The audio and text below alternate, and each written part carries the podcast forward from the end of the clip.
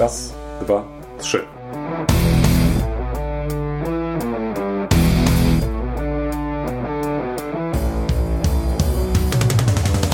Dwóch historyków, jeden mikrofon. Jeden mikrofon? Dwóch historyków? No nie, ale to znowuż mi wszedłeś w paradę. No tak zazwyczaj się dzieje. Profesor Krzysztof Równiewicz. Profesor Przemysław Wiszewski.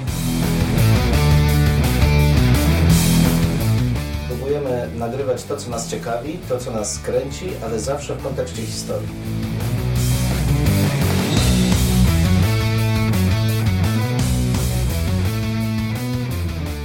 Nie mamy żadnego dźwięku na rozpoczęcie. No, proponowałem, żebyśmy zaśpiewali Gaudeamus, ale ja sam nie będę śpiewał. Ja mogę wprawdzie do chórku, ale ja też nie wiem, czy wyjdzie to dobrze, ale zawsze możemy przy okazji spróbować. Może w trakcie tej rozmowy uda nam się doprowadzić do takiego momentu, że wspólnie e, zaśpiewamy. Ale pytanie, które bym ci zadał, bo wszyscy chyba już słuchacze domyślają się, co będzie tematem naszej dzisiejszej rozmowy, czy jeszcze nie?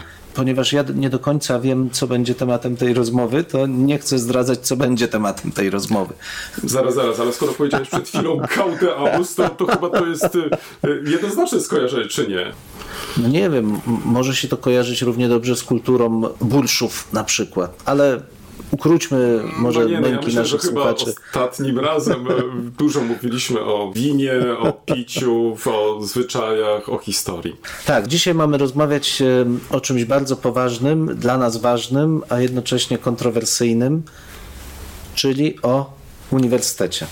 Powiedz mi teraz tak, na hasło uniwersytet przenieś się trochę w czasie.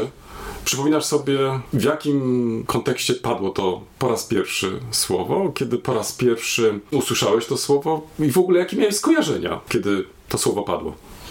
No wiesz co, to jest ciekawe pytanie rzeczywiście, ale pamiętam, że padło w kontekście studiów mojego starszego brata o takie historie rodzinne.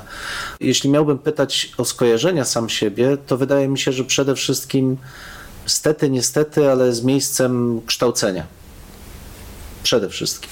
Czyli jako miejsce kształcenia, ale możesz to tak ro, trochę rozwinąć, to znaczy, bo rozumiem, jako kolejny etap, czyli po skończeniu, nie wiem, w Twoim przypadku to jeszcze liceum, e, gimnazjum.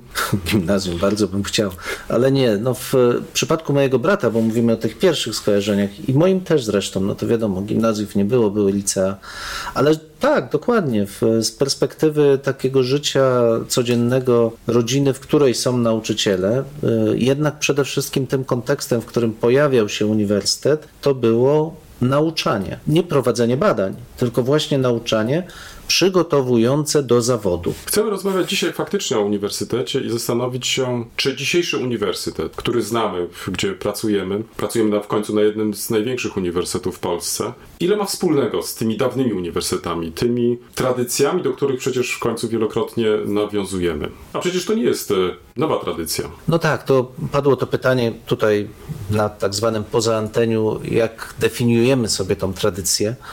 E, I z mojej perspektywy tradycja, zresztą pisałem o tym, więc mogę sięgnąć do swoich własnych myśli kiedyś, ale też tych, z którymi wielokrotnie borykam się i staram odpowiedzieć w trakcie badań sam sobie. Tradycja jest przede wszystkim próbą przekazywania pewnych wartości, bo w naukach społecznych często definiuje się tradycję jako pewną powtarzalność, zachowania powtarzalne, które przekazują jakieś treści. Natomiast w moim odczuciu tradycja traktuje te zachowania powtarzalne tylko jako pewien nośnik. Nośnik czego? No w moim odczuciu wartości.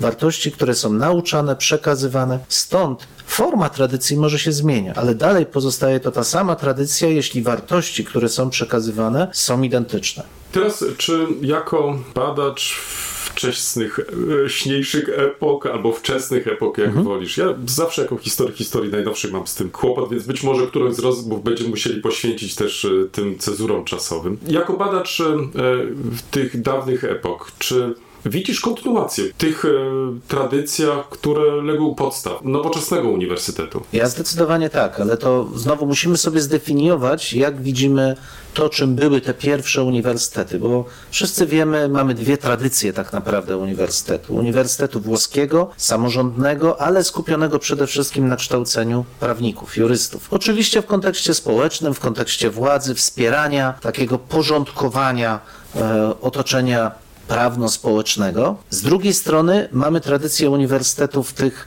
francuskich czy północnych, szeroko tak rozumianych, które są uniwersytetami scentralizowanymi, skupionymi przede wszystkim jednak na kształceniu teologicznym. I dopiero z kształcenia teologicznego wywodzące pozostałe części kształcenia tego ogólnego. Ale w obu przypadkach znów zwróćmy uwagę, że chodzi o dwie szczególne wartości. To znaczy o przekazywanie i rozwijanie tej gałęzi wiedzy, czy tej wiedzy, która jest najcenniejsza dla społeczeństwa. To może być wiedza praktyczna, jak prawo, to może być wiedza warta sama przez się poznawania, jak teologia, definiująca cały świat, ale zawsze to jest ta wiedza, która jest najbardziej pożądana, najbardziej istotna dla społeczeństwa i którą trzeba przekazywać dalej.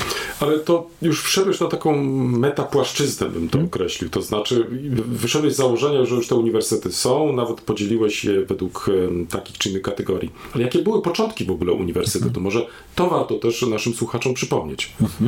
No to już nie wiem, pogubiłem się trochę, do których początków się odnosisz, Ja może myślę- Akademia Nie, nie, to znaczy w sensie nie, nie, oczywiście można i do starożytności No sięgnąć, tak. ale myślałem też i o tym, że no Mhm. właściwie też było tak, że był jakiś magister, byli też jacyś Mhm. uczniowie, były miasta, gdzie oni się też gromadzili, to znaczy gdzie czerpali jakąś tą wiedzę, bo gdybyśmy nawet e, wskazali przykładowo rok tysięczny, jako Mhm. jedną cezurę, Nie ma uniwersytetu. nie ma uniwersytetu, prawda? Tak. Ale czy to oznacza, że wiedza nie była w żaden sposób przekazywana? No właśnie, to jest fenomen uniwersytetu, bo nie mamy przekazu takiego, jak wyobrażamy go sobie dzisiaj, ale mamy szkoły, które przekazują pewną tradycję, erudycję raczej można, może byśmy nawet powiedzieli. Czyli przekazują wiedzę tą, która była zastana, ale zwróć uwagę, że w tym momencie, około roku tysięcznego, zaczyna być bardzo wyraźny ten impuls płynący ze wschodu. Zmienia się sposób widzenia rzeczywistości. To już nie jest repetycja tego, co znajdziemy w bibliotekach klasztornych, co powtarza się w szkołach katedralnych, czasami bardzo wysoko rozwiniętych, albo w otoczeniu władców, gdzie w tej kurii, w kancelarii e, cesarza czy króla także mimo wszystko trwa nauczanie, przekazywanie pewnych wzorców kultury. Ale ze wschodu nadchodzi nowy impuls ze świata arabskiego, który przekazuje rozwiniętą bądź też powtarzaną wiedzę antyczną, ale też rozwiniętą, jak wspomniałem, dużo bardziej przez uczonych arabskich, medycynę, algebrę, geometrię. Czyli możemy mówić o powolnym pochodzie nauk do Europy. Jaką rolę w takim razie odgrywa rozwój miast? Bo przecież także i miasta tutaj e, są nie bez znaczenia dla powstania tych najstarszych uniwersytetów. No to jest znowu pytanie o te zmiany, które zachodzą na styku przekazu informacji, funkcjonowania władzy, ale też pewnej masy krytycznej. E, W którym momencie mamy do czynienia z tym przekroczeniem tego zapotrzebowania na wiedzę, ale wiedzę szczególną, bo tak jak mówiłem, wcześniej moglibyśmy spojrzeć na te szkoły przykatedralne i powiedzieć, ale czemu nie mówimy o nich, że to są uniwersytety? Czasami dlatego, że po prostu nikt nie wpadł na to, żeby powołać universitas, żeby powołać tą wspólnotę, którą tworzą zarówno uczący, jak i ci, którzy są uczeni, tylko nazwał to, że to jest schola cathedralis, czyli to mamy do czynienia z takim bardziej szkolnym nauczaniem, gdzie wiedza jest przekazywana w sposób taki bardzo nastawiony na, na, na konkretne treści, na bardzo konkretne umiejętności, ale przecież te szkoły katedralne też kształcą świetnych filozofów. Tam też są całe szkoły filozoficzne i teologiczne, które rozwijają się zanim powstanie uniwersytet. Więc to pytanie o miasta jest niezwykle trafne, bo nagle zderzamy się ze społeczeństwem, które jest bardzo zróżnicowane, bardzo dynamiczne, gdzie nagle ta potrzeba wiedzy dotyka już nie tylko tych, którzy chcą zostać duchownymi,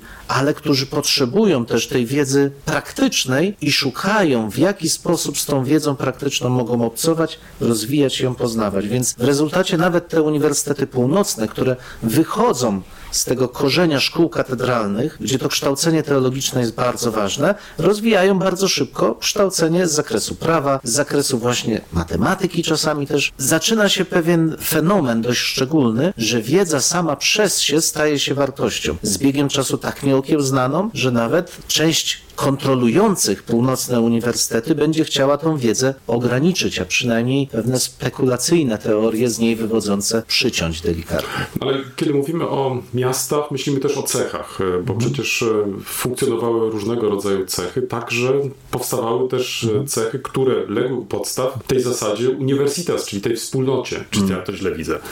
znaczy to, to jest teoria życia komunalnego. Znaczy to zwłaszcza historycy niemieccy rozwijali, że mamy do czynienia z fenomenem miasta, gdzie powstaje komuna. Ta komuna jest czymś nowym, wyrwanym z otoczenia takiego hierarchicznego, feudalnego. No i w konsekwencji, jeśli jest komuna miejska, to na jej wzór powstaje komuna właśnie, taka swoista uniwersytet uczących się i uczonych. Ale te ruchy komunalne oczywiście zaczynają się dużo wcześniej zaczynają się rzeczywiście we Włoszech. Zapewne jakiś odblask tego jest, tylko pamiętajmy, że cechy powstają dużo wcześniej, więc być może choć ja tu nie jestem specjalistą i nie wypowiem się na ten temat. Być może jakimś odblaskiem tego generalnego nurtu, żeby się zrzeszać, żeby tworzyć wspólnotę, pozostaje powstanie uniwersytetu w przeciwieństwie do klasycznej szkoły. Co w takim razie z tych średniowiecznych uniwersytetów przetrwało do dzisiaj? Jako mhm. wartość, bo od tego przecież zaczęliśmy. Mhm. Poczucie wspólnoty, niewątpliwie, ale też to, że wiedza jest wartością. To znaczy, że wiedza w sensie prawdy, nie w sensie tej umiejętności, nauczania pewnej umiejętności umiejętności, bo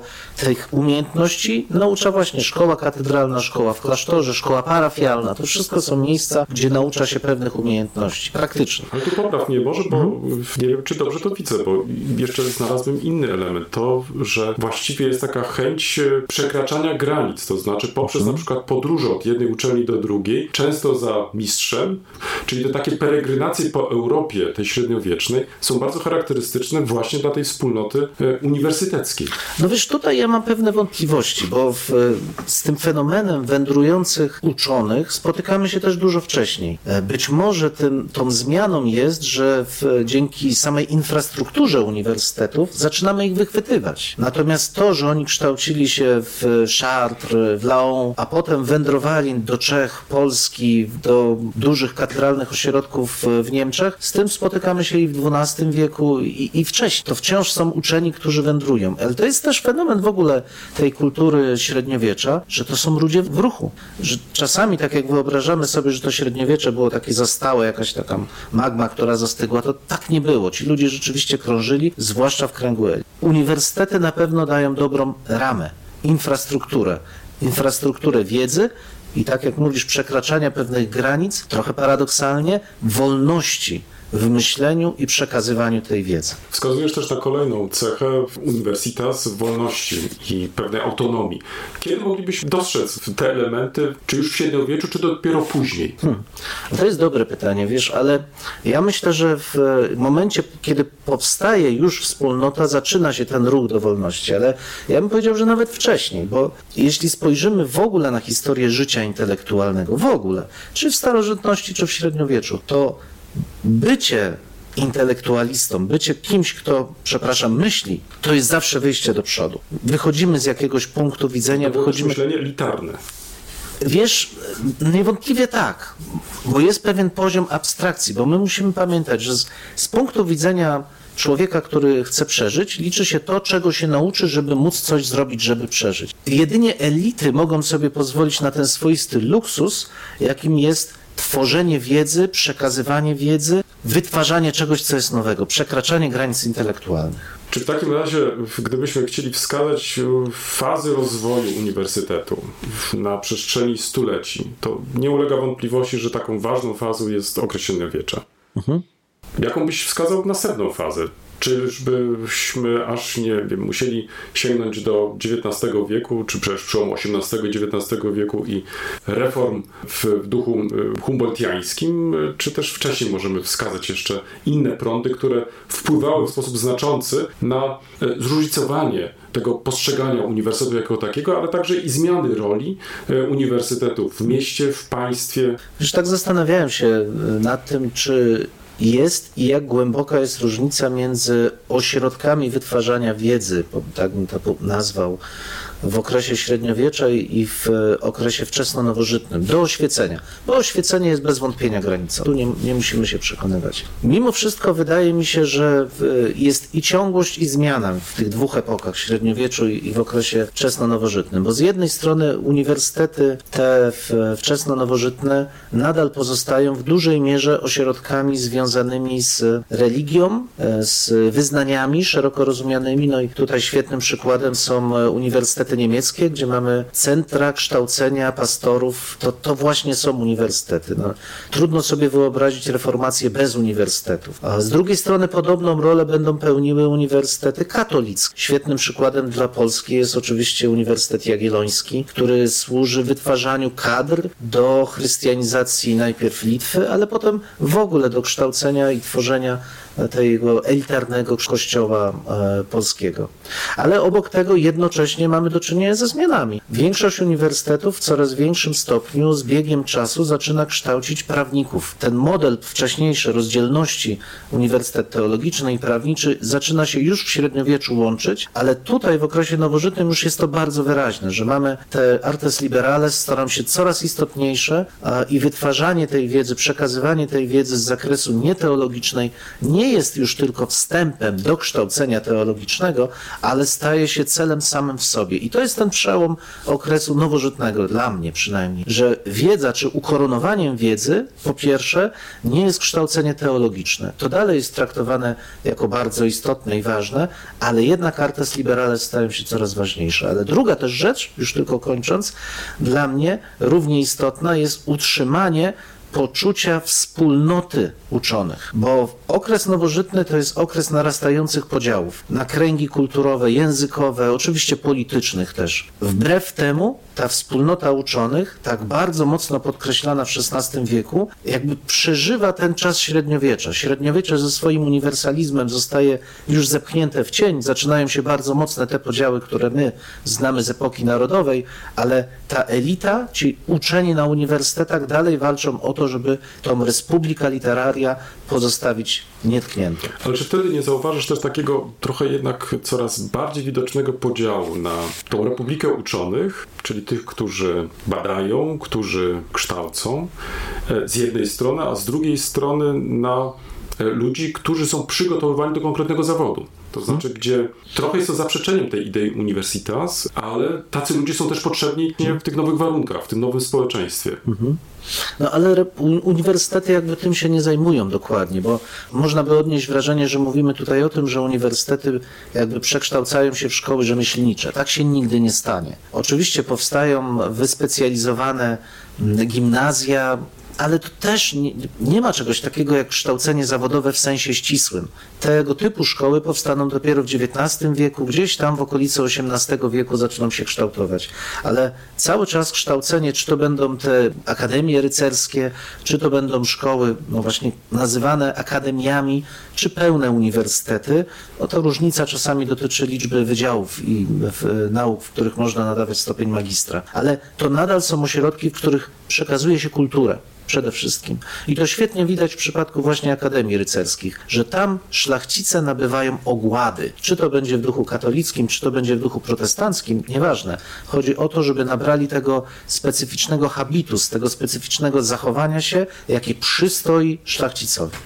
Nie ulega wątpliwości, że takim ważnym przełomem jest koniec XVIII, początek XIX wieku i reformy, które zapoczątkował Wilhelm von Humboldt i praktycznie do tych reform reform nawiązujemy dzisiaj. Jak wytłumaczyć fenomen tych reform? Przecież one tak naprawdę początkowo były skierowane, by poprawić sytuację w Prusach. Jako minister edukacji takie reformy wprowadził. Co jest dla mnie charakterystyczne i ciekawe, to znaczy nie ogranicza się tylko do reformy samego szkolnictwa wyższego, jakbyśmy to określili, ale widzi to jako cały system, to znaczy od szkoły powszechnej przez gimnazjum, które ma przygotować na studia, aż kończąc właśnie na uniwersytecie. Znaczy, czym wytłumaczyć ten fenomen, że ta reforma nie ograniczyła się tylko do Prus, tylko e, faktycznie można powiedzieć objęła cały glob. Tak mhm. naprawdę no, trudno znaleźć dzisiaj uniwersytet na świecie, który by, jeśli nie w samych początkach, to nawet i dzisiaj nie nawiązywał właśnie do tych tradycji e, z początku XIX wieku. No wiesz, w moim odczuciu ta reforma odpowiada odpowiadała dwóm ważnym trendom, jakie w wieku XIX pojawiają się, żeby rozkwitnąć no, wydaje mi się, że w ciągu całego XX wieku. Z jednej strony to jest znaczenie państwa i narodu. I Humboldt to bardzo mocno podkreślał. To, tak jak mówiłeś, jego reforma nie była reformą uniwersalną. Jego reforma miała wzmocnić państwo. I w, ci, którzy się uczą na uniwersytecie, powinni czuć tą powinność. Oni się kształcą dla narodu, oni się kształcą po to, żeby państwo wzmocnić. I to było jasne od początku. No więc z tego punktu widzenia, no mój Boże, przecież właśnie ten duch idzie przez cały XIX, zwłaszcza XX wiek. Państwa narodowe, silna struktura państwa, współodpowiedzialność obywatela za państwo i za naród. Świetnie odpowiada to tej potrzebie. Ale z drugiej strony, i tu przepraszam ci przerwę, z drugiej strony on kładzie bardzo wyraźny nacisk na badania i wynikające z tego kształcenie. Czyli idzie w nurcie innowacji. Jest świadom tego, że idzie nowe, że państwo, które nie wspiera innowacji i obywatele, którzy tych innowacji nie są świadomi i ich nie rozwijają, nie będą w stanie wzmocnić państwa i narodu. Czyli to jest to bardzo mocne podkreślenie jedności, jakbyśmy to określili, e, badań i kształcenia. Ponadto są relacje między tą nową uczelnią a państwem. To nie było tak, że to państwo mogło w jakiś sposób wywierać wpływ, ale to, co znamy y, z obecnych czasów i co stale podkreślamy, autonomia uczelni, czyli niezależnie od państwa, czyli zadaniem nas jako nauczycieli akademickich, y, którzy są zrównani ze studentami, bo też jest to rzeczą mhm. ważną. Ta wiedza w rozumieniu Humboldta nie była wiedzą zamkniętą, to znaczy ona była otwarta, to znaczy zarówno ten nauczyciel, ten mistrz miał badać, jak i ten student miał dalej badać i oni mieli być partnerami w tym właśnie badaniu. Ale warunkiem tak naprawdę tego wszystkiego była ta niezależność, była ta autonomia. I to chyba było to nowum i też coś, co w jakiś sposób, sposób szczególny wpływało na e, rozwój uczelni, ale z drugiej strony też być może to był też powód, dla którego tak państwo często chciało na przykład ingerować też w to, co się po prostu dzieje na uniwersytetach, czy też wywierać w jakiś e, sposób wpływ. No wiesz, to jest też wynik tego, co się dzieje w momencie, kiedy ludzie zbierają się razem i zaczynają myśleć w sposób swobodny. No przecież to jest zaproszenie do jakichś wystąpień, które będą sprzeczne z tym, czym jest państwo, czyli ze sztywnymi normami życia w społeczeństwie. Uniwersytet staje się rzeczywiście tą oazą wolności, ale w sensie rozwoju, dyskursu. Znowu wracamy do średniowiecza paradoksalnie, bo wracamy do wspólnoty, wspólnota, która ma charakter specyficzny, szczególny, ale wspólnoty, której celem jest ocalenie tego, co jest najcenniejsze myślenia, wolności, sposobu tworzenia tego, co połączy nas, ale i wyprowadzi w przyszłość. To pozwól, że dam ostatnie przewrotnie pytanie. Czy znasz inną instytucję europejską, która by miała tak długą tradycję, nieprzerwaną tradycję, mhm. od średniowiecza po współczesność? Monarchia brytyjska.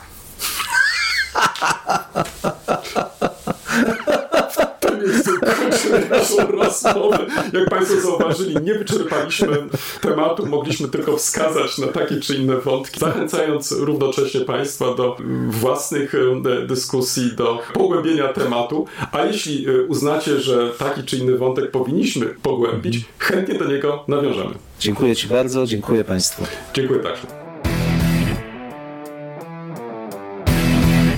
Miejscu stawiamy kropkę. Mamy nadzieję, że to nie jest koniec, że to jest początek Waszych dyskusji. Mam nadzieję, że Was zaciekawiliśmy. Prosimy o komentowanie naszych zmagań z historią. Poniżej zdjęcia jest wystarczająco dużo miejsca. Dwóch historyków? Jeden mikrofon. Jeden mikrofon? Dwóch historyków. Dziękujemy.